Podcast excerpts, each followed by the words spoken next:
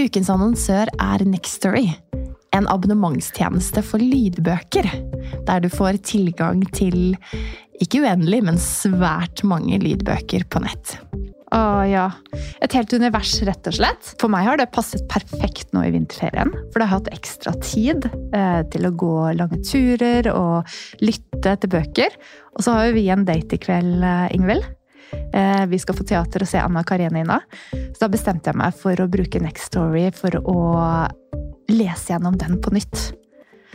Og det er bare helt fantastisk roman fra 1870-tallets Russland som jeg anbefaler alle å utforske, fordi den er like aktuell nå i 2024 som eh, den gang den ble skrevet. Men det er jo så fint, da, ikke sant? Og uavhengig av om eh, man har vinterferie eller mer tid til overs, så har man også disse små lommene i hverdagen. Du kan ha boken på øret, og du kan brette tøy, eller du kan sette på en klesvask, en oppvask, whatever å dykke inn i dette universet. Og det er jo det som er så fint. I, eh, I, tillegg, da, når uh, disse små Dine kommer med den samme boken for 15. gang, Ingvild, og spør ja. mamma kan du lese denne, så er selvfølgelig det veldig hyggelig, men det kan også være eh, vel så hyggelig å, å få eh, boken servert fra noen andre, så kan man lytte sammen. Eh, vi har hørt mye på Albert Aabergs lydbøkene i Nextory, for det er et univers som både min femåring og min toåring elsker. Ah, det er fantastisk. Man kan finne så mye flotte verdener og opplevelser i gode bøker. Og du som lytter til oss, kan nå få seks uker med fri tilgang til Nextory hvis du går inn på linken nextory.no engler. Så gå inn der, bli med oss eh, og utforske bokuniverset. Og så håper jeg at du har like stor glede av det som vi har.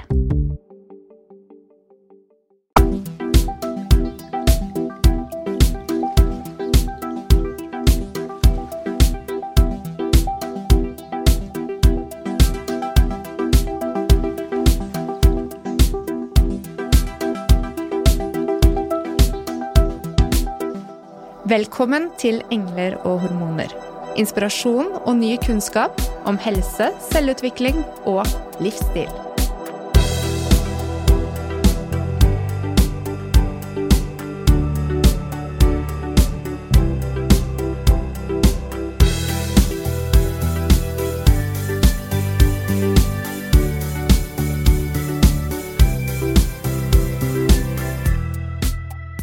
Hva er idealkroppen for deg, og hvordan påvirker det hvordan du har det med deg selv? Det er mange som lever med en tro på at det er noe ved ens egen kropp eller utseende som ikke er bra nok. Og så tenker vi at om vi klarer å endre på dette, så vil man kanskje få en gevinst i form av bedre selvfølelse eller økt anerkjennelse fra omgivelsene. Eller er det egentlig sånn Kanskje det vi trenger hjelp til, er å komme til kjernen i årsaken til at vi er overvektige, eller at vi ikke er fornøyd med oss selv. Kanskje finne årsakene til valgene som vi har tatt, og rydde opp i begrensede sannheter. Hjelp til å sette seg realistiske mål og finne motivasjon til å jobbe med det.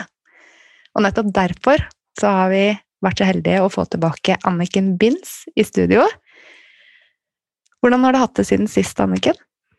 Strålende. Først og fremst må jeg si at det er veldig hyggelig å være tilbake med dere. Jeg elsker samtalene vi har sammen, og eh, ja, det, det, gir meg alltid så mye god energi å prate med dere. Men ja, jeg har det, har det bra, og har jo altså Siden sist vi snakket sammen, så har jeg egentlig bare sittet og jobbet med den gruppen jeg har fulgt i hele vår på nettkurset mitt. Eh, og det har vært den mest fantastiske våren fordi jeg følger en, eh, en, gjeng med fantastiske personer som eh, gjør så store endringer i livet sitt, og som har sånne lyspæreøyeblikk kontinuerlig og, og, stråler over av glede og tro på seg selv og, og er glad i seg selv. Så ja, jeg må bare si at det er helt fantastisk. så bra. Vi nærmer oss jo sommeren nå, og da blir jo veldig mange mer eh, bevisst sine egne kropper, og kanskje, hva skal man si, deres eh, mangler. Um, og I dag så skal vi snakke litt om dette som går på kroppsbildet. Hva er det det betyr for deg, Anniken? Jo, og det er veldig mye som dukker opp når du sier dette med kroppsbildet, og det første jeg tenker på, er at jeg husker tilbake til den gangen jeg hadde et veldig, veldig forvrengt kroppsbilde. Eh, og jeg husker så godt hvordan det var å ikke tørre å gå på stranden, eh, og ikke Altså det, var det verste jeg kunne tenke meg, å, å, kle meg foran andre og være på stranden foran andre. Eh, og dette hadde jo ingenting med hvordan jeg så ut i virkeligheten å gjøre. Det hadde alt å si med hvordan jeg så på meg selv. Um, og det er jo det kroppsbildet betyr for meg. Eh, altså Et kroppsbilde, kroppsbilde det er jo ikke noe objektivt. Det fins jo ikke noe objektiv sannhet for hvordan en kropp er eller skal være. Hver eneste person i hele verden som ser på en kropp eller har et bilde i hodet av en kropp, har et forskjellig bilde. Så, så, hvis jeg nå hadde kledd av meg naken foran dere, og dere hadde stått og sett på meg, så hadde dere hatt et forskjellig bilde av meg. Eh, basert på hvem dere er, erfaringene deres, personligheten deres, eh, dagsformen deres, ikke sant? hva som er deres verdier, eh, hva som er deres eh, sannheter, da. Eh, hva dere, hva, dere, vet og tror er sant om verden. Så ja, kroppsbildet for meg, det er jo rett og slett eh, Det er subjektivt. Mm. Mm. Og så er det jo mye av det som skjer inni oss, som vi skal snakke om i dag, og den indre dialogen om egen kropp, eller mm. eget utseende. Um, så der blir det kanskje enda mer subjektivt, i og med at vi både kan snakke bare med oss selv og gjenta sannheter som blir forsterket. Hvordan, eh, hvordan, påvirker den indre dialogen vi har om oss selv, oss, når det gjelder kropp og utseende? Den påvirker egentlig alt. Vi skal bare oppsummere det kort. Så den indre dialogen, det er jo, det er jo selvsnakket vårt, det er det vi sier til oss selv, sånn som du sa. Eh, og det, hvert eneste ord vi sier til oss selv, det blir oppfattet som en sannhet i, i hodet vårt, og, og, hjernen vår må jo styre deretter. Så, og det som skjer når vi eh, snakker til oss selv, uansett hva det er vi sier, så skaper vi da bilder i hodet vårt eh, som er med på å forme hvordan vi føler oss. Eh, så det vi sier til oss selv, har alt å si for hvordan vi ser på oss selv, og hvordan vi føler oss med oss selv, og hva vi føler om oss selv. Og, og, det vi sier til oss selv, det henger også nært sammen med de tingene vi legger merke til. Vi er jo sånn eh, altså, vi, det er jo til enhver tid masse informasjon vi kan eh, ta til oss. Tilbake til det eksempelet hvis jeg nå kledde meg naken foran dere, så, så, er det jo masse detaljer på min kropp som dere kunne lagt merke til, og, og gitt yrkesbakgrunnen deres, så ville dere kanskje begynt å se litt på kroppsstilling og, og muskler og skjelett og balanse der også, ikke sant? Um, så det, men det er jo masse informasjon dere kunne tatt dere fra min kropp. Eh, men dere kan ikke ta inn alt samtidig, så dere velger å ta inn det som dere er forhåndsprogrammert til å ta inn. Eh, og, dere vil jo være forhåndsprogrammert til å se på hvordan jeg står og beveger meg, selvfølgelig, gitt dere yrkesbakgrunnen deres, men, og det er det vi kaller fokus, eller på en måte det er, det er de brillene vi har på oss når vi ser verden, som avgjør hva det er vi tar inn av informasjon. Og dette henger nært sammen med selvsnakket vårt. Så hvis vi um, vi har på oss uh, briller, da, eller fokus på verden som er uh, basert på kanskje sannheter om oss selv, om at uh, vi har en veldig stor rumpe, eller at vi har en stygg nese, eller at vi bare aldri blir fine nok, at vi altså Uansett hva det er, da, hvis vi har på oss disse brillene, så er det det vi kommer til å se når vi ser på oss selv. Eh, så ja, det var en liten detour fra spørsmålet ditt, men alt dette påvirker altså Det vi sier til oss selv, det påvirker hvordan vi ser på oss selv, og til syvende og sist er det det som påvirker hvordan vi føler oss. Og det er jo sånn at, og jeg er et veldig godt eksempel på det, at det er jo ikke den rent objektive altså uansett, Det finnes jo ikke noen objektive sannheter, men, men, det er jo ikke sånn vi ser ut, eller sånn tingene er rundt oss som påvirker hvordan vi har det, det er hvordan vi føler oss. Så det jeg liker å si, er at det, det er eh, følelsene våre som avgjør kvaliteten på livet vårt. Det er ikke det er ikke hvordan kroppen vår egentlig er, det er ikke hvordan tingene er rundt oss, men det er hvordan vi føler det i forhold til det. Og følelsen er et resultat av tankene vi har i hodet, og tankene vi har i hodet, er et resultat av den indre dialogen. Mm. Men ref det du sa i, i sted, litt mer sånn innledningsvis, da, eh, om at hvis jeg f.eks. selv føler at jeg har en litt kraftig midje, og så mm. sammenligner jeg meg Vil jeg da se på deg da, og tenke oi, men hun har jo en sånn fantastisk midje? Er det liksom det jeg vil bli trukket mot, ja. mot deg da?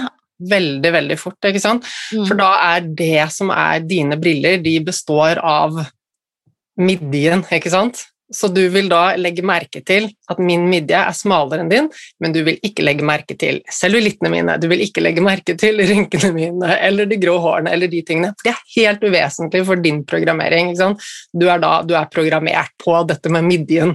Så, så, da vil du legge merke til det. Og det er litt sånn som de som f.eks. Eh, eh, altså er gravide, da, så plutselig så ser vi masse gravide i gatene. Eller vi tenker ok, hvilken, hvilken ny barnevogn skal jeg kjøpe meg? Så driver vi undersøker forskjellige barnevognsmodeller, så legger vi plutselig merke til disse barnevognsmodellene i gatene. Vi har aldri lagt merke til dem før. ikke sant? Og det er akkurat det samme med kroppsbildet. Det vi er programmert til å legge merke til, det, det legger vi merke til. Og jeg husker jeg hatet hoftene mine, eh, og lårene mine var altfor store. Og det eneste jeg kunne se, var alle de som hadde altså, smale hofter og, og, tynne lår da jeg var yngre. Eh, og eh, når jeg ser på meg selv nå, så syns jeg verken at jeg har store hofter eller store lår, at jeg er helt normal. Hva er hemmeligheten der, da, Anniken? Hva er det du har gjort for noe for å ja, komme dit? Ja, det er jo mange ting jeg har gjort for å komme dit. Um, og det er jo disse tingene jeg jobber med i, uh, i, det kurset jeg kjører nå i vår, for mye av det henger sammen med selvfølelsen. Det er veldig mange av oss som sitter med en følelse av at vi ikke er nok. Dvs. Si at vi ikke er verdifulle nok. Uh, og det er en veldig vond følelse. Og den følelsen kan komme, altså den kan oppstå fra, uh, fra hendelser vi har hatt i barndommen hvor vi bare lærer oss at ok, nei, jeg er ikke verdt å elske hvis jeg ikke f.eks. presterer eller gjør noe bra. Eh, det, det, kan være, det, kan være, veldig mange forskjellige ting. Jeg husker en episode jeg husker godt fra da jeg var liten, er jo eh, at jeg ikke blir invitert i bursdag med de andre jentene i klassen. ikke sant? Så den følelsen av å ikke være likt eh, og være holdt utenfor, det er en sånn typisk ting som kan gå rett på selvfølelsen og gi oss en oppfatning av at vi ikke er nok.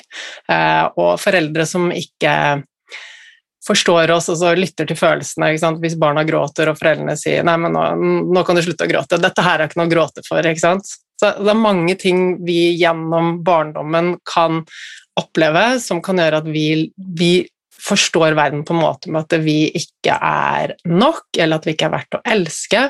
Eh, I noen tilfeller kan det være små bagateller, nesten. Um, I andre tilfeller kan det være et resultat av omsorgssvikt og, og, andre ting som har skjedd uh, i livet. Eh, så, så, i stor grad så handler det om å bygge selvfølelsen. Fordi at når vi føler at vi ikke er eh, nok, er verdifulle nok, så er jo samfunnet vårt veldig prestasjonsrettet, og vi har jo lært at vi får anerkjennelse og verdi når vi presterer. Um, og så er jo altså Hjernen vår er jo laget sånn at den uh, vil at vi skal være trygge. Så Eh, vi er trygge når vi får anerkjennelse, og når vi får tilhørighet, og når vi er en del av samfunnet. Og dette, jo, dette er jo ren biologi og går tilbake til den gangen vi, eh, hjernen vår utviklet seg eh, for noen millioner år siden, da vi var jegere og sanker og huleboere og, og, det som var. Og, og, da var det helt vesentlig for oss at vi hørte til i samfunnet, rett og slett. I, det, altså, i den gruppen vi levde i, fordi vi ville ikke overleve alene. Eh, det var en mye tøffere hverdag enn det vi har i dag. I dag vet vi at selv om vi bor alene, så kan vi gå på butikken, vi kan handle mat, det er ikke noen farlige dyr, så det er ikke livsfarlig for oss å være alene, men det skjønner ikke hjernen vår. Så for hjernen vår så er det verste som kan skje, at vi er annerledes, at vi er utenfor, og at vi ikke får anerkjennelse, fordi får vi ikke anerkjennelse, så kan vi bli utstøtt. Og så har vi lært at sant, fra vi er små, vi får medaljer på idretts... Altså hvilken som helst trening barna blir sendt på, så får de medaljer. Det er konkurranser, det er karakterer i skolen, det er prøver. Foreldre sier 'Å, så flink du er når du har hoppet høyt' eller tegnet en fin tegning. Så vi får helt i den at det er prestasjon som er verdifullt, og det lærer vi veldig tidlig i samfunnet. Eh, og da er det jo veldig fort gjort at vi knytter Ok, vi har, føler oss kanskje ikke verdifulle, men så ser vi at prestasjon gjør oss jo verdifulle.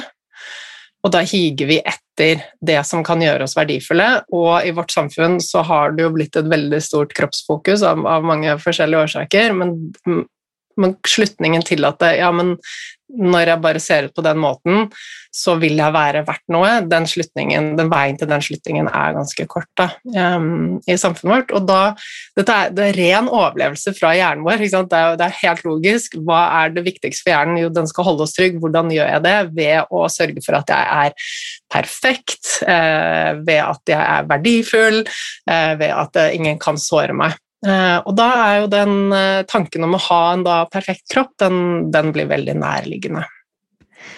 Men selv om hjernen vår utviklet seg, og har utviklet seg gjennom tusener av år, så er det også noe som heter nevroplastisitet, og mulighet for å trene oss opp til mm. å endre på mønstre.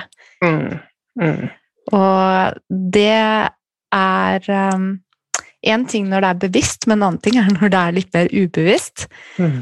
Så, så, mange ville se kanskje på noen ting som er til stede i bevisstheten, og det de ønsker å endre, som noe de kan ta tak i og jobbe med med bevisste teknikker. Skal vi starte der, Anniken? Hva, mm -hmm. Hvilke strategier er det vi kan bruke for å endre på disse mønstrene? Ja, og det er jo helt klart det er veldig mye vi kan gjøre med, eh, med å bruke altså de konkrete verktøyene for mentaltrening med det vi liksom kan gjøre i bevisstheten vår. Da. Um, og det har en effekt, for vi ser jo at når vi repeterer noe mange noen ganger, så, så lærer vi det. ikke sant? Vi har jo nevroplastisitet.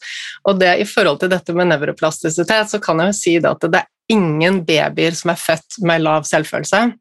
Det er ingen babyer som tenker at 'jeg er ikke bra nok' eller 'perfekt nok'. En baby den kan jo eh, altså Eh, en baby smører mat over hele ansiktet sitt og håret sitt og sier at 'se på meg, jeg er fantastisk'. ikke sant? Mm. Eh, så det er ingen babyer som føler at de ikke er bra nok. Dette er ting som vi lærer oss, eh, og som da blir forsterket pga. nevroplastisitet. Og alt det vi har lært, det kan vi lære oss av med, sånn som du er inne på, Mona. Så hva gjør vi da med å jobbe med det bevisste? Vi vet jo da at hvert eneste ord vi sier, har en enorm Eh, påvirkning på oss. Så det første vi begynner med, er egentlig å bli litt bevisst på hva vi sier til oss selv, og begynne å jobbe med det. Eh, og dette henger også nært sammen med eh, sannheten, altså de, de levereglene vi har. Hva vi tror og vet om verden. Og dette har vi også snakket om i en tidligere episode, men det er tror jeg, noe av det viktigste vi gjør når vi jobber med å endre på oss selv og få Eh, bedre selvfølelse eh, og få et normalt forhold til kroppen vår. og disse levereglene, disse sannhetene som ofte er begrensende, da, fordi det handler om at vi, vi lærer veldig fort de begrensende tingene for å beskytte oss. Det er ikke så, er ikke så viktig med de tingene som er bra i livet, så, så, vi lærer av de begrensende tingene og danner oss oppfatninger om at vi ikke er bra nok, eller vi er for tjukke, eller hva det nå er. Så, så, det som er veldig nyttig å gjøre, er å bli bevisst på disse sannhetene og rett og slett begynne å skrive de ned. Um, og så når vi skriver de ned, så liksom, til vanlig så tenker vi nesten ikke over at vi har disse sannhetene. En, en, en, sannhet er der jo for at vi ikke skal sette spørsmålstegn ved den. Så Mm, så vi har jo sannheter Jeg, altså jeg for har noen, har noen sannheter som er eh, veldig konstruktive. Eh, og det handler om at jeg har vært bevisst på å endre de så de blir konstruktive. Jeg har f.eks. en sannhet om at jeg er i god form, eh, og at jeg er sterk. Og så hadde jeg en sannhet om meg selv at jeg aldri ble syk. Den måtte jeg endre litt på i vinter da jeg ble litt forkjølet. men så, så, noen sannheter kan jo være bra for oss. Men jeg hadde jo mange sannheter før, og det var jo at jeg var eh, for eh, tjukk, og at jeg aldri så fin ut, at jeg alltid så shabby ut, at jeg hadde for stor rumpe. Så jeg kan jo nevne i fleng. Det var veldig mange sannheter jeg hadde som jeg endret. Så det vi gjør, er egentlig å sette oss ned og skrive ned alle disse sannhetene. Hva er det jeg tror om meg selv? Og da kan vi jo begynne med å si 'jeg er', eh, prikk, prikk, prikk, og så kan vi skrive. Hva er hva alt det jeg tror uh, om meg selv? Altså bare um, uh, altså ikke begynne å tenke, men bare skrive fortløpende alt det vi tenker om oss selv. Jeg er. Det kan komme bra ting, det kan komme mindre bra ting, men bare skrive ned alt som det står Hvis vi fullfører setningen av 'jeg er', og så skriver vi alt det vi kommer på, og når vi da får en liste over alle de tingene vi tenker og tror om oss selv, så kan vi begynne å stille spørsmålstegn ved det. Hvordan vet jeg at dette er sant? Hvilke, vil, øh, hvem er det som sier at dette er sant? Og ofte når vi da har begynt å stille et spørsmålstegn ved det, så ser vi at det, allerede da så kan det falle fra hverandre. Noen ganger så trenger vi å jobbe dypere, og da, da, snakker vi om å jobbe mer med endring på underbevisstheten, men noen ganger så holder det bare å stille det spørsmålstegnet. Litt sånn som uh, barna når de begynner å stille spørsmålstegn ved tannfeen, f.eks kommer tannfeen virkelig til alle barna som har mistet henne denne natten? uh, og når barna har begynt å stille spørsmålstegn ved tannfeen, så, så, har denne sannheten da, da, da, er ikke den troen på tannfeen der lenger. Så med en gang du stiller spørsmålstegn ved de tingene som du tenker og tror om deg selv, så begynner dette nettverket å slå litt sprekker. Likevel så er det jo sånn at mye av det sitter så godt inngravert i oss eh, fordi vi har tenkt det så mange ganger at vi trenger å jobbe litt mer med det. Så eh, når jeg jobber, så bruker jeg jo visualiseringer for å, for å endre på disse tingene også, eh, som gjør det litt lettere, fordi da trenger vi ikke å eh, jobbe like bevisst hele tiden. Da får vi det litt intravenøst inn. Men, men, det vi gjør da, så la oss si at vi har skrevet en setning over alle de tingene vi tenker om oss selv. og så eh, også stille spørsmålstegn ved dem, så kan vi begynne å tenke ok, hva er en av disse som jeg hadde hatt lyst til å endre på? Eh, og så kan vi da gjøre en endring på dette.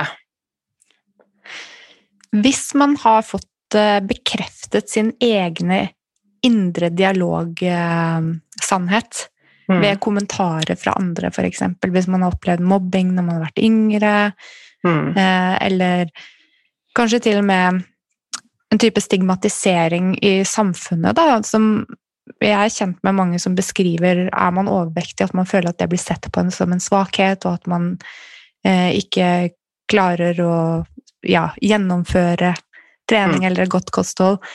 Um, hvordan vil det virke inn på dette, sånn når man ikke bare skal jobbe med sin egen indre dialog, men også opplevelser som man har hatt fra andre? Mm. Ja, veldig fint at eh, du tar opp det, og det vil jo ha en enorm effekt. ikke sant? Eh, så, så det er to sider av det det vi opplever å få bekreftet rundt oss, det henger ofte sammen med at det er det vi legger merke til, og vi legger ikke merke til de andre tingene. Så, så, vi vil, hvis vi da har på oss disse brillene med at jeg eh, er for svak eller eh, jeg mangler viljestyrke, så er det det vi kommer til å legge merke til når vi leser avisartikler, når vi er i samtale med andre, når vi ser på TV-program, så er det det vi kommer til å sitte igjen med, og ikke all den andre informasjonen. Så det er én ting. Eh, likevel så er det sånn at eh, ja, det er visse ideer i samfunnet eh, som ikke er særlig heldige, eh, som går på sant, typisk dette med altså, fatshaming som vi snakker om, og, og, det at eh, de som er overvektige eh, Det er mange som tror at det handler om at man er svak eller mangler kontroll eller mangler viljestyrke det her er ren og skjær feilinformasjon, for det stemmer ikke.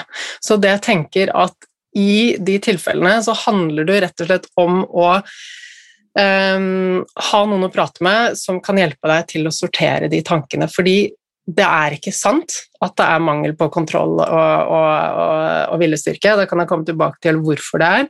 Um, så jeg vil anbefale å ikke sitte med disse tankene alene, og få støtte av noen som kan hjelpe til å sortere tankene, og å innhente informasjon om hva som er, kan være årsaker, eh, sånn at vi slipper unna denne um, stigmatiseringen.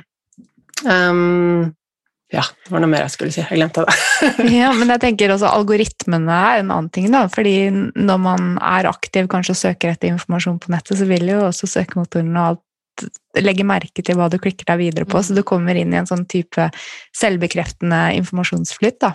Ja, ja, ikke sant? og det har du helt rett til. Og det er jo et sånn nettverk som, som sakte, men sikkert eh, snører seg til, eh, til, rundt oss, og vi skal være utrolig sterke for å kunne ikke ta det inn, da, fordi vi vet jo at det går inn. Um, så, men jeg tenker uansett, vær bevisst på at alt det du leser og hører, det påvirker deg. Og, og ta et valg i forhold til kilder og, og hva, hvilken informasjon du vil ta inn. Ha noen som kan støtte deg, fordi at det, det å stå i dette alene det er ikke meningen at vi skal stå i dette alene. Og um, når vi jobber med oss selv og likevel blir motarbeidet av, oss, av alt rundt oss, det, det, blir for mye å takle på en gang. Så det funker ikke. Så hva kan vi gjøre? Kan vi, altså, kan vi skjerme oss selv fra sosiale medier? Vi, altså, det er mange ting vi kan gjøre. Det må være en enkelt eh, finne ut av selv hva som er en god strategi, men jeg tenker eh, det er ikke meningen altså, Ingen er sterke nok til å takle masse eh, altså For å putte det i en kategori, da, negativt eh, snakk, altså ting som påvirker oss negativt, det, mm, det, ja, det, er en umulig oppgave å forvente at vi skal klare å jobbe med oss selv og samtidig ta til oss alt det. Og så vil jeg også si det at eh, de menneskene som kommer med kritikk, de menneskene som typisk er eh, Som snakker nedlatende om eh, andre mennesker, om det er fatshaming eller, eller hva det nå er vi snakker om. De menneskene som dømmer andre på grunnlag av deres utseende, det skal dere vite at de menneskene dømmer seg selv i mye, mye større grad enn det de dømmer andre mennesker de som har et behov for å snakke andre ned, for å bry seg med andre, er de som har et utrolig problematisk forhold til seg selv. Så den kritikken som vi ser på utsiden som kanskje går mot andre, om det er i form av mobbing eller om det er nettroll, eller hva det nå er, det vi ser på utsiden, er bare toppen av et isfjell i forhold til hvordan de har det med seg selv. Så en person som har det godt med seg selv, føler at, eh, at man har vært noe, har ikke behovet for å dømme andre, mm. eh, og vil heller ikke falle på tanken med å gjøre det. Det er fint å få en påminnelse om. Tusen takk. Ja, og jeg tenker at det er veldig styrkende, fordi det er sånn um, og, dette jobber jeg også med, med, med, de som går på kurset hos meg, det at um, kritikk um, det kan bare skade oss hvis vi tar det inn. Ja, det er klart at det krever robusthet å ikke ta det inn, men vi skal vite at det, de som sender av gårde kritikk Nå snakker jeg ikke om konstruktiv feedback, men jeg snakker om kritikk eller en eller annen negativ kommentar. Det, er, det handler om at disse menneskene ikke har det godt med seg selv i det hele tatt. De dømmer seg selv nedenom og hjem og kritiserer seg selv, og deres indre dialog, den tror jeg ikke vi har lyst til å høre engang. Så hvis det er noe altså Jeg syns den er fin å ha med for å bare Det kan gjøre oss sterkere når vi husker på det at hvor disse menneskene har det verre med seg selv enn sånn jeg har det med meg selv. Mm. Mm. Men når vi snakker om dette her om med indre dialog osv., kommer samvittigheten vår inn der? For samvittighet om mat og eh, motivasjon for livsstilsendring og kosthold i hvert fall, Jeg tenker jo at samvittighet er liksom en stor del i det, da. Ja, og, og det er jo ja, et tilbakevendende tema, og jeg ser jo det hos, hos så og så mange, eh, altså alle aldersgrupper og alle, alle kjønn, så er um, Eh, vi, har, vi, vi, knytter den, denne samvittigheten ofte til den indre, indre, dialogen, fordi den indre dialogen ofte er, kommer i form av en indre kritiker. Ikke sant? Vi, um, vi, er ikke fornøyd med det vi, sånn vi ser ut, eller det vi gjør. Uh, og når vi ikke er fornøyd med oss selv, så kjenner vi på dårlig samvittighet, vi kjenner på skam, og vi kritiserer oss selv. Sånn? Og dette her, med mindre vi har jobbet bevisst med det, så, så, har de fleste en eller annen grad av dette med dårlig samvittighet og, og en, en en indre kritiker som dømmer oss selv. Og det som er fint å huske, det er så lett å si at ja, vi må slutte, vi må bare slutte å kritisere oss selv, og vi må legge bort eh, skyld og skam, og det er veldig lettvint å si jeg skal bare legge det bort.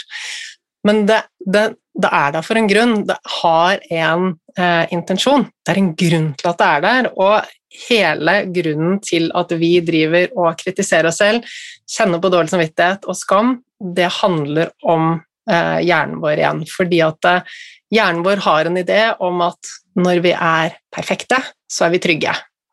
Og det er det viktigste for hjernen. Hjernen skal holde oss trygge. Når vi er perfekte, så er vi trygge. Um, og hvis vi ikke lever opp til egne forventninger i forhold til utseende, eller det at vi kommer oss på trening, eller hva vi spiser, så tenker jo hjernen sånn Ok, men det viktigste for meg er å få deg til å komme deg på treningen og spise den salaten og planlagt, eller hva det nå er. Hvordan gjør jeg det? Jo, jeg gjør det ved å straffe deg, piske deg, å pushe deg og skape mest mulig negativitet, rett og slett for å pushe deg i retning av å, eh, å, få til denne endringen, sånn at du blir perfekt, fordi da blir du trygg. Så er jo hjernen vår fantastisk, men det er jo litt kortslutning i hele denne logikken her, fordi vi vet jo det at eh, dårlig samvittighet eh, og skam og, og den, denne indre kritikeren, den medfører det motsatte, så den ødelegger motivasjonen. Eh, så det gjør det vanskeligere og vanskeligere å få til det man ønsker å gjøre. Og så blir det en sånn negativ spiral. Da, At vi, eh, når vi får den der skyldfølelsen, eh, så må vi trøste oss, og så er det inn med trøstemat, og så får vi enda mer eh, dårlig samvittighet, og så blir det en veldig negativ spiral som det blir, blir utfordrende å komme ut av. Så ja, det, det er det her er veldig viktig å, å ta med. Og, eh, og, det vi gjør, er rett og slett å få en forståelse for ok, men den, denne indre kritikeren og denne skyldfølelsen, det er en grunn til at det er der, og når vi kan se det at ja, men har en positiv intensjon jeg, jeg, eh, Den prøver bare å beskytte meg, da blir den ikke så farlig lenger. Eh, så jeg hadde en, eh, en som jeg coachet som eh, ja, hun, har, hun har sagt at jeg får lov å dele dette videre, ellers har jeg taushetsplikt. Men hun, vi gikk gjennom den øvelsen hvor hun ble hun, hun, trodde egentlig at hun hadde gitt slipp på den indre kritikeren. Og så innså hun at den var der i veldig veldig stor grad, og da vi gikk gjennom denne øvelsen for å finne ut av hva hensikten til den indre kritikeren var, så så falt jo helt bort, og hun endte opp med å se på denne indre kritikeren og all skylden og skamfølelsen som et lite barn som hun heller bare kunne leie i hånden. Og da bare ja, falt den bort, da. Ble ikke så farlig og hadde ikke den makten over henne lenger. Mm. Det er Det kan jo se på det som en form for motivasjon til å gjennomføre og skape viljestyrke, da, hvis denne indre kritikeren og dårlig samvittighet hele tiden pisker deg til å gjøre oppgaver eller eh, ta treningsøkter som leder deg frem mot det egentlige målet ditt. Men så høres det litt ukomfortabelt ut å leve på den måten også. Så er det noen andre måter vi kan jobbe med å øke viljestyrken for å nå målet vårt etter at vi har stilnet denne dårlige samvittigheten og indre kritikeren? Ja, og det, det, vi vet, er jo at for å få til endring, um, enten det gjelder for oss selv eller for andre, så er det ros som er nøkkelen istedenfor ris. altså Vi kan alltid, som du sier, da, kjenne litt på dette ubehaget ved å ikke gjøre en endring, men, men det er jo ros som får oss til å gjøre endring. Eh, og det ser vi jo med barna, f.eks. Hvis, du, uh, hvis vi kjefter på barna for de ikke har ryddet rommet eller gjort leksene sine, så blir de ikke mer motivert til å gjøre det, men hvis vi kommer og gir dem en klem og sier de er så glad når du rydder av bordet, da, da vokser de 10 cm og rydder av bordet neste gang også. Eh, og akkurat på samme måte med oss selv, når vi roser oss selv, så blir vi motivert til å gjøre, til å gjøre noe flere ganger. Um, og det, uh, det, beste og viktigste verktøyet til motivasjon er visualisering. Uh, og det bruker jeg utrolig mye selv. Og jeg kjente på det senest uh, i dag, fordi at vanligvis når jeg står opp, så har jeg masse motivasjon til å Altså jeg har masse energi på morgenen og går i gang med en eller annen treningsøkt før, før arbeidsdagen. Men i dag så kjente jeg at jeg hadde egentlig ikke den eh, vanlige motivasjonen som jeg pleier å ha, og det jeg da gjorde, var å rett og slett se for meg resultatet av treningen. Resultatet av min trening er at jeg blir en bedre surfer, så jeg ser for meg at jeg selv surfer i bølgene. Og da kommer motivasjonen med en gang. Og i tillegg så, eh, så kjente jeg også, for jeg har, eh, jeg har et sånn treningsprogram, sånn surfetreningsprogram da, som er et tolvukersprogram, som jeg akkurat har begynt på. Og så etter etter de ukene, de tre første ukene som har vært nå, så kjenner, jeg har jeg kjent at jeg har blitt litt sterkere. Kjenner jeg litt i magemusklene, kjenner jeg at jeg har blitt litt sterkere, så da henter jeg også opp den følelsen av å være sterkere. Dette er resultatet jeg får. Så, så, ved å hente frem et eller annet bilde av sant, det vi får som et resultat av å ta gode valg for oss selv, eh, det kan gjøre at vi i mye større grad eh, tar de valgene. Så viljestyrke er eh, Vi tenker at det henger sammen med at vi må være beintøffe og piske oss selv, men viljestyrke, sånn jeg ser det, er helt motsatt. Der er det flyt, og vi gjør ting fordi det er gøy og motiverende. Det er ikke motiverende når vi utvikler oss, og når det betyr noe for oss, da, det vi gjør, om det er å ta gode valg med kosthold eller trening eller søvn eller hva det nå er. Hmm. I øyeblikket der i morges, Anniken, så gjorde du da en helomvending. Men hvordan kan vi gjøre det bærekraftig for å vare over tid? Ja, um, og det handler jo rett og slett om å være litt smart når vi planlegger de endringene vi skal gjøre, fordi det er så lett å, å tenke at ok, men nå nærmer det seg jo sommeren, og jeg skal bare gå ned disse kiloene, og så går vi inn i et sånn ok, men jeg bare spiser salat eller raw food hver eneste dag nå. Eh, og da er vi fort inne på det at vi må begynne å pushe oss selv litt, for det er jo ikke det kroppen har lyst til hver eneste dag. Og vi har kanskje ikke lyst til Det er kanskje ikke riktig å trene syv dager i uken, det er ikke noe bra uansett. Men vi får liksom en, ofte en sånn følelse at ok, bare jeg nå er skikkelig beinhard i en periode, så kommer jeg til et sted hvor da er alt bra. Jeg har kommet til et mål hvor jeg har fått denne drømmekroppen, og, og hva så da etterpå? Så vi glemmer helt å tenke at vi skal leve et helt liv, hvor vi skal være fornøyd med oss selv, hvor vi skal være glade og ha det bra. Eh, og vi glemmer å tenke på hvordan det vi gjør, påvirker alt annet i livet. Så, så alle klarer å pushe seg til å ha noen dager hvor vi, eh, hvor vi bare går all in for å så, trene mye eller spise lite, eller, eller hva, hvilke ting det er når vi ønsker å gjøre. Men dette her gjør oss ikke glade, eh, og det er ikke en måte vi kan leve på hele livet. Det som veldig, veldig ofte skjer når vi går inn i en sånn, en sånn strikt modus, eh, er jo det at eh, vi eh, Vi må jo unnlate å gjøre ting som vi egentlig liker å gjøre. Og så gjør vi ting som kanskje ikke er så lystbetonte for oss, fordi at det ligger Det er en sånn helomvending fra det vi er vant til å gjøre. Og da ender vi opp med å måtte pushe oss mye som skaper masse indre stress, uh, mye negativitet. Uh, og når vi sant, sier til oss selv at vi ikke kan gjøre noe, da får vi et enormt behov for å gjøre noe. Så, og det vet jeg, jeg husker selv fra da jeg var liten, og foreldrene mine sa nei, men det får du ikke lov til å gjøre. Da er det sånn å, det har jeg lyst til å gjøre!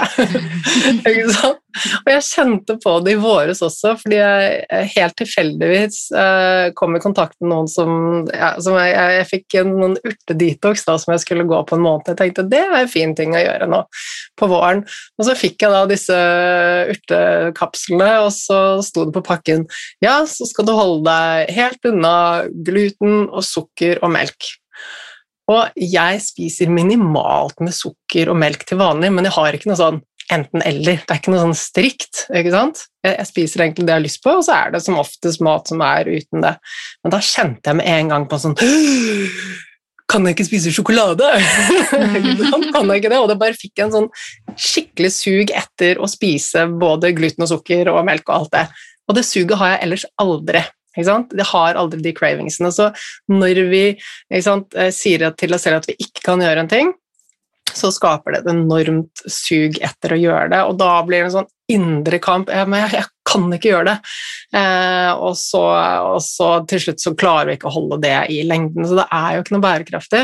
Og eh, sånn som jeg tenker på det, så er det sånn ok, men jeg ser for meg meg selv når jeg er 70 år, og når jeg er 100 år, hvem skal jeg være da, og, og hvordan skal livet mitt være da, og hva skal være viktig for meg da? Jo, det er jo det at jeg er fleksibel i kroppen, at jeg er sterk, at jeg er sunn og vital.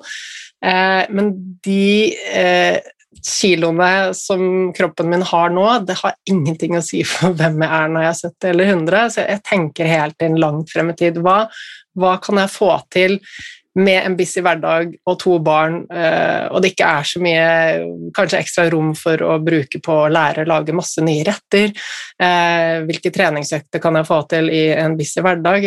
Ting må henge på grep, hvis ikke så er det ikke bærekraftig, og da føler vi at vi feiler, for vi klarer ikke gjennomføre, og så får vi skyldfølelse og skamfølelse og kritiserer oss selv, og så er vi inne i den negative spiralen hvor vi da kanskje ikke klarer å gjøre noe fordi vi feilet jo, og alt er ganske galt. Kjenner dere dere igjen? Absolutt. Jeg kjenner igjen meg, og jeg kjenner igjen mange jeg kjenner. ah, ja, kan ikke de aller fleste kjenne seg igjen i det, da? Jo, ja. Jeg hadde jo, hadde jo, vært gjennom mange runder av det før jeg lærte at det er bærekraft og ikke svart-hvitt-tenkning som, som, er nøkkelen til å, til å, få det til på sikt. Men likevel så er det veldig mye av den svart-hvitt-tenkningen, eller i hvert fall ja, ref de urtepillene som du, som du, fikk, da. Og så står det 'ikke gjør sånn og sånn og sånn, og sånn skal du gjøre det'. Eh, og x antall dietter også, som er enten svart eller hvitt, da. Ja, og det er mm. jo det. Og jeg kjente det sånn fordi altså For mange år siden så hadde jeg et veldig trøblete forhold til mat. og var jo sånn, Jeg kan ikke spise det, jeg må spise det. Jeg kan ikke spise etter klokken eh, fem. eller ikke sant, Jeg må spise Det var jo Altså, hele livet var jo bare sånn fengsel. Mm. Uh, og nå er det veldig lenge siden, og det er veldig langt unna, og jeg kjenner etter når jeg er sulten, når jeg har lyst til å spise, hva jeg har lyst til å spise. Uh, og det er som oftest ting som er nære og bra, som gjør meg glad, uh, men det er ikke noe jeg pusher meg til, det er, det er bare rett og slett ok, hva, hva, føler jeg for noe? Så da jeg leste på den etiketten hvor bare ikke sukker, gluten og, og, melk, så ble jeg bare Jeg bare kjente at hele systemet bare skrek. Mm. Det her det kjennes jo ikke bra ut. Ikke Med en gang så får jeg sånn den indre kamp og sånn 'Jeg må ha lyst på de bollene som ligger i fryseren.' Bare sånn der, å, hjelp, sånn, sånn, kan vi ikke ha det. Så, um, så vi, um, vi styrer jo altså alle, alt vi gjør, er styrt av følelser, og det, og det vet vi egentlig ikke. Vi, vi, vi, tenker ikke så mye over det, men vi styrer etter de tingene som gir oss gode følelser. Eh, og så styrer vi bort fra det som gir oss dårlige følelser. Derfor er jo alt det når vi skal inn og piske oss og, og kjenne på dårlig samvittighet og sånn, det, det gjør bare at vi styrer bort fra noe.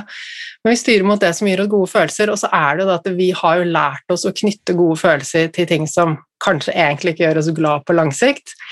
Um, om det da kanskje er å ligge på sofaen hele kvelden og spise potetgull og, og, se på Netflix, så, så, hvis det har gitt oss en god følelse på et eller annet tidspunkt, så vil hjernen styre oss mot det, fordi det gir oss eh, gode følelser, tenker hjernen.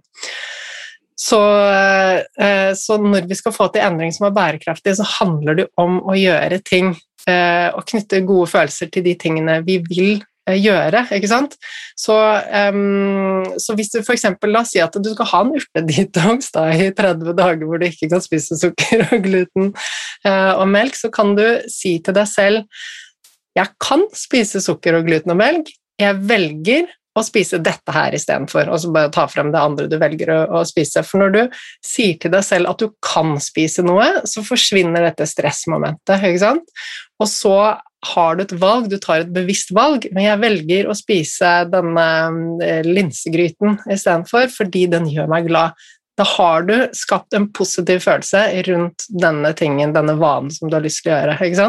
Jeg kan ligge på sofaen og se Netflix, men jeg velger å gå en tur istedenfor fordi jeg vet at det er bra for helsen min, det gjør meg glad, jeg får luftet tankene mine, etc., etc. Så, så når vi bare da endre på den indre dialogen, så kan vi skape gode følelser som gjør at vi automatisk styrer mot noe, istedenfor at vi må kjempe for å få det til. For det er jo ikke bærekraftig å kjempe for å få til ting. Mm. Men sånn som deg, da, Anniken, fordi det at du får en restriksjon på en kur, da, at du ikke kan spise det og det og det. Tror du Mm. at du reagerer mer på det enn noen andre ville gjort, nettopp fordi at du hadde alle disse restriksjonene på kosthold selv tidligere? Fordi noen liker jo å ha helt klare skjema å gå etter og bli motivert over å bli fortalt hva de skal gjøre, og hadde kanskje syntes at det var helt supertopp måte å endre livsstilen på. Mm. Og det, det Jeg vet ikke om jeg kan gi deg noe fornuftig svar på det, for det, det vet jeg ikke. Det blir jo egentlig bare synsing, men, uh, men det er helt klart at det, det fort kan bringe frem noen gamle ting uh, i meg. Men uh, absolutt alle reagerer på lik måte når de blir fortalt at de ikke kan gjøre noe. Eh, Men vi er forskjellige i forhold til om vi liker struktur eller frihet, og eh, det krever en indre styrke, det å takle at ting ikke er så hugget i sten. Sant? Når, vi, de, når vi har behov for å ha ting veldig sånn klart og tydelig og, eh, og svart-hvitt, enten-eller, så handler det om at vi har mye kaos på innsiden som vi ikke klarer å takle, at vi i mye større grad trenger kontroll på omgivelsene rundt oss. Og det vi jo da må tenke på, er jo at eh, det er ingenting i hele verden som egentlig kan kontrolleres. Altså alt kan skje uansett hvor mye vi jobber med å kontrollere alt rundt oss, så har vi ikke kontroll. Det eneste, eneste, eneste vi kan kontrollere, er hvordan vi forholder oss til tingene. Eh, og det er jo en liten sånn øvelse for å komme dit og, og bygge denne indre robustheten som gjør at vi kan slappe av i tingene. Eh, Så det, så det handler jo det behovet? Ja, vi er forskjellige personer som det handler om denne indre styrken og robustheten. Eh, Det om vi virkelig trenger at ting er svart-hvitt, eh, at noen sier 'gjør sånn' og 'gjør sånn'. Det synes jeg var et veldig bra svar. Men jeg vet at du har lyst til å komme inn på det som har med det underbevisste å gjøre. Altså de prosessene som skjer i oss som ikke er like lett tilgjengelig å legge merke til som denne indre dialogen. Mm. Ja, og det, er, ja, ikke sant? og det er så spennende, og dette er noe jeg har jobbet mye med. fordi at det, eh, noen ting er jo ganske lett og ganske raskt å endre ved å bare bli bevisst på disse sannhetene. Hva tenker jeg om meg selv? Hvordan vet jeg at det er sant? Nei, det er jo faktisk ikke sant. Jeg kan velge å si det på en annen måte, eh, og så kan vi Noen ganger er det bare nok å, å si det på en annen måte, eller eller å, å, bare øve oss og repetere en setning flere ganger. Ikke sant? Så Pga. nevroplastisiteten så vet vi da at det skjer en endring. Men likevel så kan det være ting som sitter så dypt i oss, altså ting vi har eh, lært og erfart i barndommen, eh, at eh, ikke sant? For eksempel har vi da kanskje laget oss en sannhet om at jeg er annerledes enn alle andre. Jeg er ikke verdt noe, jeg er ikke nok. Og da kan vi jo repetere setningen 'jeg er nok' hver dag i 50 år. Eller ja, bare for å si et tall. og så vil det ha en effekt på oss, men det vil likevel være noe som vi da kanskje ikke helt klarer å, å få bort, som er nettopp når denne sannheten sitter så dypt i oss, og, og ofte er det underbevisst. Vi lærer ting som vi kanskje glemmer, men så former det hvordan vi ser på oss selv, og hvordan vi ser på verden. Um, og det kan være, sant, et, barn, er, barn er jo umodne, og de ser på verden gjennom uh, altså umodne øyne og prøver å lage en mening av det. Og det viktigste for barn er jo å føle at de er like alle andre, uh, og at de hører til, og at de er verdifulle, og at de er verdt å bli elsket. Så en eller annen hendelse i livet som gjør at vi lærer det motsatte, da, det kan sette seg i underbevisstheten. Og vi ser jo at mange jobber og jobber med å sant, få til livsstilsendringer, og så ender de opp med selvsabotasje, de ender opp med å ikke klare å gå ned i vekt, eh, eller klare å komme i gang med treningen og ta disse gode valgene for seg, uansett hvor mye de jobber med den bevisste delen, da, med den logiske tenkningen, men så sitter dette så dypt begravet i underbevisstheten. Så, eh, så, det er derfor jeg bruker visualiseringen når jeg jobber, eh, som jeg også bruker på kurs jeg holder. Um, så er det forskjell på å jobbe eh, med et enkeltindivid, hvor du virkelig kan gå inn i akkurat det som ligger til grunn hos, hos enkeltpersonen. Eller når jeg jobber med store grupper, så blir jo altså Visualiseringene jeg gjør, de er jo generelle, eh, men så er vi ganske like, ikke sant. Så, så, så, eh, så det jobber på med, med, temaer som er viktige for alle. Men men det som det er, da, Vi ser jo det at um, ting vi opplever i, uh, i barndommen, kan, um, uh, kan, sette så dype spor at vi ikke klarer å endre det med logisk tenkning. Mm. Um, for eksempel så hadde jeg vannskrekk i mange år, uh, og jeg vet jo hvorfor jeg fikk det, jeg vet akkurat hva som skjedde, men jeg, kunne, jeg drev med eksponeringsterapi, jeg sa til meg selv at det er trygt, og jeg pustet og jeg gjorde mange ting, men den skrekken den satt. Jeg kunne takle det på, til en viss grad, men, men, jeg fikk ikke bort den skrekken før jeg da jobbet med underbevisstheten og gjorde visualiseringsøvelser. Eh, så, så den logiske altså Følelsen overstyrer alltid logikken.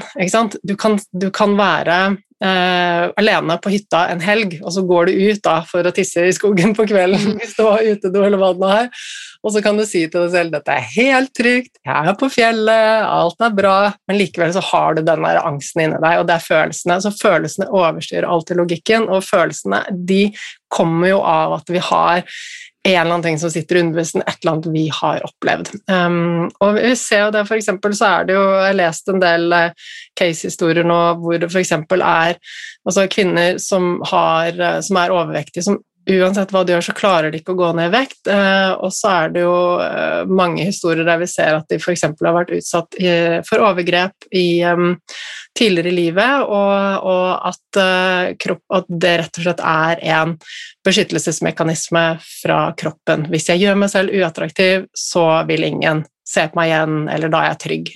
Så, så, når vi kan tenke at mye, altså alle de tingene vi gjør, har en god intensjon, Eh, og det handler om at hjernen skal holde oss trygg. Eh, så, så, vi kan jo ønske å gå ned i vekt så mye vi vil, eller ta gode valg for oss selv, men når det sitter ting dypt i, i underbevisstheten, altså vi har, ting vi har opplevd, ting vi har lært oss, rett og slett eh, mønstre som sitter i oss, så er det jo sånn at det, vi kan eh, repetere denne konstruktive indre dialogen så mye vi vil, og likevel så, så, vil vi kjenne at det er masse motstand, at det blir eh, utfordrende å få det til. Men eh, hvis vi ser bort fra medisinske diagnoser og traumer som trenger spesialistoppfølging, som, mm. som ikke er målsetningen med denne episoden, mm. så kan man si at hvis det er et gjentagende mønster der du har satt deg et mål og selvsaboterer igjen og igjen, og, mm. som gjør at du feiler, noe som selvfølgelig også le, kan lede til en negativ indre dialog, mm. så blir jo det en form for selvbekreftende profeti, men at mm. man må stoppe opp litt og så se litt bak det mm. du ser til daglig, og hva er den bakenforliggende årsaken til at dette skjer igjen og igjen med meg? Hva er dette mønsteret? Ja, eh, ja, ikke sant. Og, og, da er det sånn det kan, være, det kan være at du ønsker å, å slutte med noe, eh, og så Eller altså gjøre en eller annen livsstilsendring, og så um, um, og så får du det ikke til, og du går hele tiden tilbake og går tilbake til det gamle mønsteret. Og, og det, handler altså det, handler jo, virkelig om dette at eh, hjernen vår vil ha deg til å gjøre det som er kjent og trygt for den. Alt det som er nytt, er ukjent, og det kan være farlig. Eh, men så handler det også ofte om at ting har en funksjon. Da. Um, at f.eks. kanskje de, hvis du vil slutte å drikke kaffe, kanskje du er veldig glad i en skikkelig sånn kaffe med masse sånn creamy følelse og sukker og alt sånt, og, kanskje du har bestemt deg for å, å, legge bort det, så, så så, så klarer du det ikke, så kan det rett og slett henge sammen at ja, men denne kaffelatten med masse sukker i, den, eh, den eh, utfyller en eh, Altså, den eh, den har en funksjon som er mer enn det å på en måte bare holde deg våken, eller hva det er. Og den kanskje gir deg trygghet eller nærhet eller trøst eller et eller annet sånt noe. Um, og eh, det å bare ta bort noe da, eh, det gjør jo at da må vi fylle på med en annen ting da, for å få stillet dette behovet for trøst eller trygghet eller nærhet. Og da blir det en ny ting du putter inn, da. Så det er jo sånn vi kan se på gjerne med um, sånn av ting man er avhengig av. Det handler ofte om at eh, vi har undertrykte følelser, ting som ikke er så ok på innsiden, og så bare prøver vi å tilfredsstille et eller annet behov. Eh, så, så, når vi da bare spør oss eh, altså Viktig alltid å spørre om det faktisk er noe vi har lyst til å gjennomføre, denne tingen vi har lyst til å gjennomføre. Eh, men eh, og også da se på okay, hva, hva, er det denne vanen gir meg. Altså, er jeg faktisk villig til å gi slipp på det? Nå er det noe mer enn bare én ting, for som ofte så, så, er det en litt dypere funksjon, eller hensikt til at vi gjør de tingene vi gjør, og, og, kommer vi litt ned i det, så kan vi da finne okay, men hva annet kan gi meg trygghet, eller hva annet kan gi meg glede? Eh, hva annet kan gi meg en følelse av tilhørighet? ikke sant? Du nevnte jo dette her med visualisering i, i sted, Anniken. At du gjør det mm. både på individnivå, men også på gruppenivå. Mm. Har vi tid til å gjøre en liten visualisering nå for lytterne våre? Ja, altså Veldig ofte så jobber jeg med visualiseringer som, eh, hvor vi eh, eh, De varer ganske lenge. Mm. Eller sånn opp rundt 15-20 minutter, og så får lytterne lydspor som de øver på. Men, um, men en eh, visualisering hva, hva, tenker du at det ville vært fint å, å få ut av en visualisering, tenker du? Du nevnte dette med trygghet og nærhet da, nå helt på tampen. At uh, kanskje denne varme, deilige cappuccinoen med ekstra krem, eller hva det nå var uh, liksom, At det representerer noe som du kanskje mangler, eller som du ikke sant? Finnes mm. det en visualisering for akkurat dette med trygghet og nærhet, som du kan ta mm. litt kjapt? ja, altså I det tilfellet så ville jeg jo, ville vil jeg jo f.eks. også bare tatt disse personene eh, bare fått det litt inn i seg selv, og, og, og da eh, eventuelt satt i Ok, hvis du nå er kaffen, kaffen din, hva, eh, eh hvilken, hvilken, funksjon er det du har å si da til, eh, til vedkommende? Um, men eh, når det gjelder akkurat dette med trygghet Nei, jeg er litt usikker på om det er en visualisering som egner seg i forhold til å bruke her, fordi det som jeg ofte gjør, er at jeg tar folk tilbake og ser litt på underliggende årsaker i livet som er som gjerne henger sammen med den ene tingen. Mm. Og det er jo noe som krever litt dyp jobbing og, og, og mye refleksjon også, kanskje, Anniken. Men mm. Jeg, syns det er så morsomt eh, når vi snakket om individene tenker på de som er rundt personen som gjør endringer. Ja, også. Er ikke det litt ukomfortabelt for de også, når noen tar grep og endrer seg fra det som var vanlig? Er det en sånn ekstra utfordring som mange må takle når de har vært sterke nok til å gjennomføre livsstilsendringer? Absolutt. Eh, og det er fint at du tar opp, fordi at eh, vi søker fellesskap basert på likhet. Når vi connecter med noen, så ser vi etter det vi har likt. Så veldig ofte så har vi venner som vi kan dele våre sorger med. Eh, og la oss si at vi, og dette har jeg kjenner igjen fra flere av de som går kurs hos meg nå også, at de har en vennegjeng hvor de er vant til å snakke om hvor de er vant til å, å, å snakke om problemene sine. Og så er plutselig denne personen forbi disse problemene, de eksisterer ikke lenger. Og da er eh, jo plutselig grunnlaget for fellesskapet det er borte. Mm. Eh, og disse andre som sitter igjen, har fortsatt lav eh, selvfølelse, de har det fortsatt vondt med seg selv, og for de så kan det i noen tilfeller være en enorm trussel at en person endrer seg og blir sterk. Så, så, det å ha et bevisst forhold til altså, hvordan man skal takle det og de rundt seg, eh, og det, det, kan være utfordrende, rett og slett. Mm, det er greit å være oppmerksom på, men man er summen av de man omgir seg med, er man ikke det? Ja, man er jo det. Mm. Absolutt. Mm.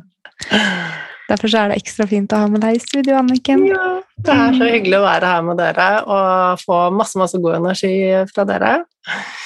Så vet jeg at lytterne våre kan besøke nettsiden som vi legger ved episodebeskrivelsen, hvis de ønsker å få litt input til hvordan de kan jobbe med visualiseringer og andre mentale verktøy som du deler så raust. Sånn helt avslutningsvis, har du en hilsen til våre lyttere før sommeren? Ja, og det er jo alltid Det er jo Ja. Jeg vil bare si det at det trenger ikke være så farlig.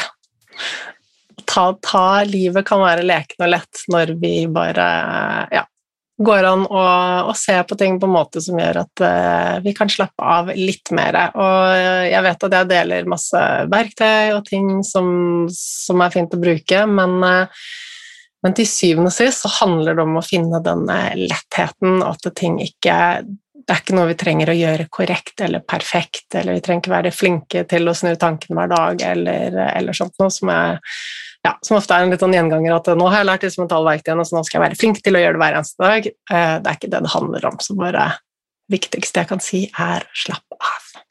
Mm. Yes. Tusen takk, Anniken. Tusen takk for at jeg fikk være med. Vi ses snart igjen. Ha det. Ha det.